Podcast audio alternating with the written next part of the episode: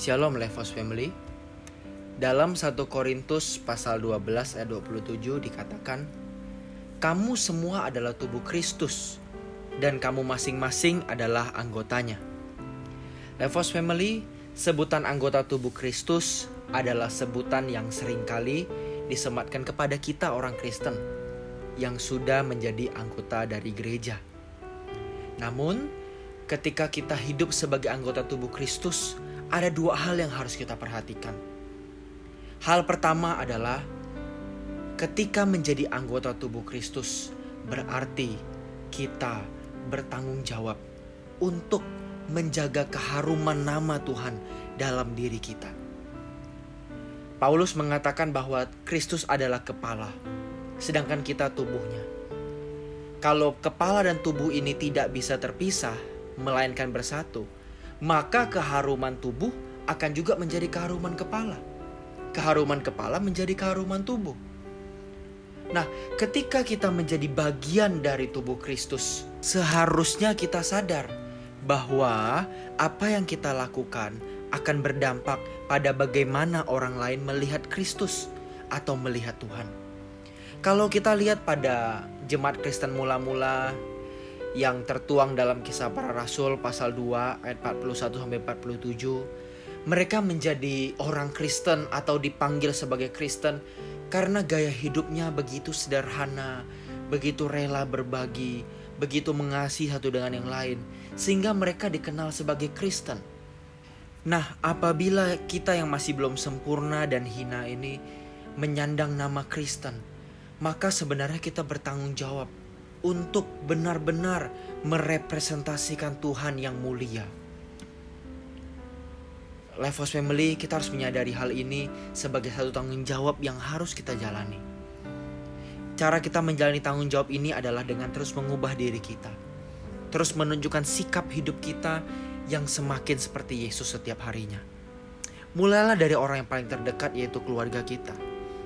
Dari istri kita, dari suami kita, bagaimana kita memperlakukan mereka, bagaimana kita mentreat orang-orang yang di sekitar kita, mungkin bawahan kita, mungkin asisten rumah tangga kita, atau anak-anak kita.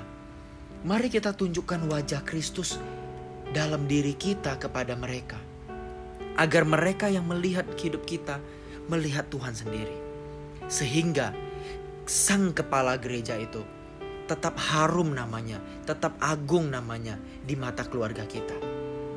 Setelah dalam keluarga kita bersaksi, keluar pun saya yakin kita bisa bersaksi dengan real, dengan original, autentik, tidak dibuat-buat. Karena dari keluarga pun kita sudah seperti ini, sudah mencerminkan Kristus. Maka ketika keluar kita melakukan hal yang sama. Karena banyak orang yang di luar begitu luar biasa, tetapi di rumah dia biasa-biasa saja, bahkan jauh dari biasa.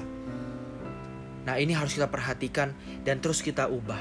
Kita sama-sama mengubahnya. Ini hal pertama yang menjadi tanggung jawab kita.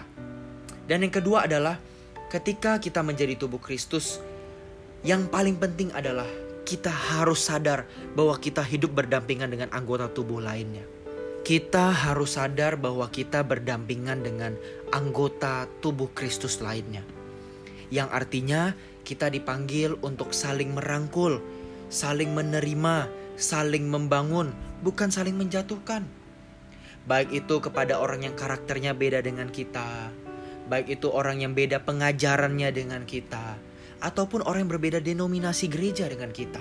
Tidak ada yang perlu dipermasalahkan selagi tujuannya masih sama, yaitu Tuhan dan kerajaannya.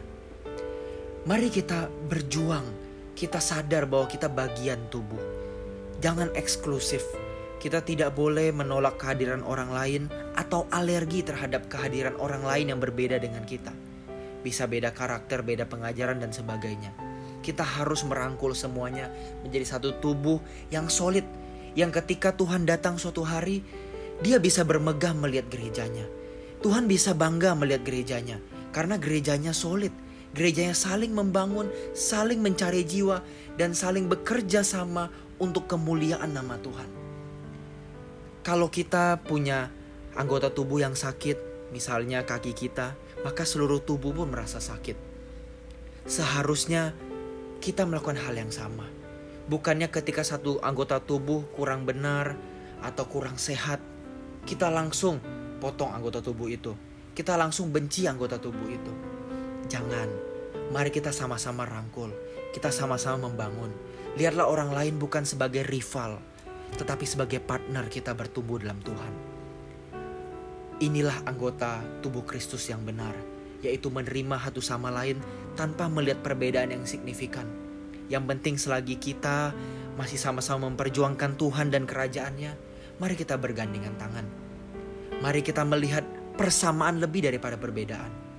Banyak orang lebih suka lihat perbedaan dibanding persamaan untuk membangun masyarakat, terutama warga gereja, anggota tubuh Kristus yang solid, mindset ini harus kita miliki, yaitu melihat persamaan lebih daripada perbedaan. Jangan zoom, zoom in di perbedaan. Perbedaan tuh banyak, dan kita nggak akan pernah habis melihat perbedaan. Tapi pernahkah kita lihat persamaan? Apa yang anggota tubuh lain miliki? Apa yang orang lain miliki kesamaannya dengan kita? yang itu bisa menjadi jembatan kita membangun komunikasi dengan mereka. Mari kita maksimalkan persamaan tersebut dan kita membangun persahabatan, bukan permusuhan. Lifehouse Family, inilah dua hal yang harus kita ingat sebagai tanggung jawab kita menjadi anggota tubuh Kristus. Yang pertama, kita menjaga keharuman nama Tuhan karena kita bagian dari dirinya. Yang kedua, kita sungguh-sungguh merawat anggota tubuh lainnya, bukan menghancurkan atau menjauhi mereka. Kiranya Tuhan Yesus memberkati. Amin.